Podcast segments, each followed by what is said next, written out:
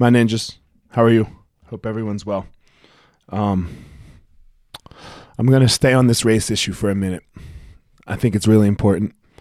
I think it's time that we had uh, this these types of discussions. Um, so, yeah, I'm not leaving it. And if that costs me some downloads, and that costs me some likes on Instagram, and uh, if that costs me some money down the road at some point, well then, then so be it. I'm I'm going to sleep. Oh, I never sleep well at night, but that won't be the reason why I don't sleep well at night. So, my question tonight is what when it's what happens when it's not so bad?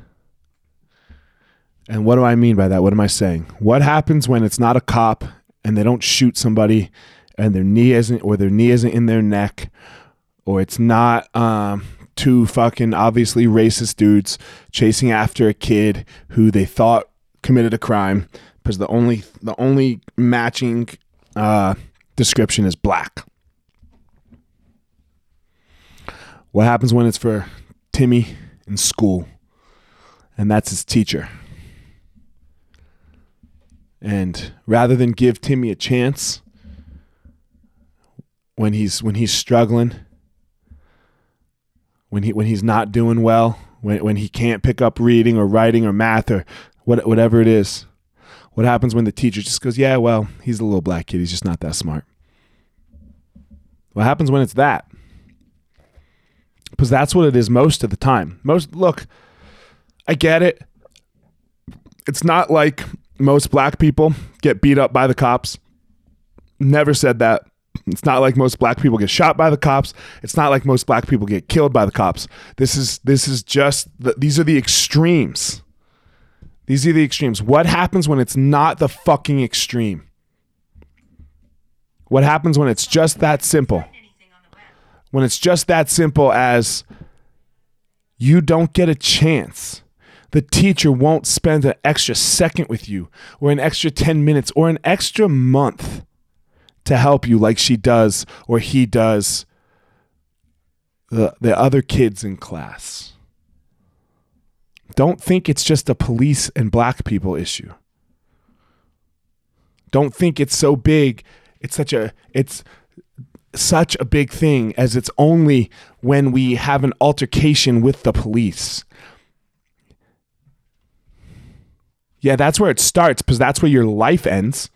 You know, that's where that's where these people are being killed and beaten and all that. You know, and everything else that we that we are talking about in the news. But what happens when it's so fucking simple and so small? And we all know what that's like, right? We all know what it's like when we're not given a chance at something that we wanted to try or we did, or even that we're, when we're not given a chance at something that we're not good at, you give up. That's it. No more, you know, dance class for Susan or or basketball for Johnny or whatever it is. But what about when it's education for a little black Tim? How many kids do we have like that? How many kids do we have that just go downhill from from right there because their teachers didn't give them a chance or their principal didn't give them a chance or maybe it happened in fucking daycare the first time. And that's where they learned how to interact with somebody who's trying to teach them something. How about we change that narrative too? How about we give them power? To say that that's not okay too. I want to make sure you understand something as well uh, as I close this out. I never believe that hate will get this done, and I never believe that anger will get this done. Awareness to start, and then we're going to have to make some moves. Find your power.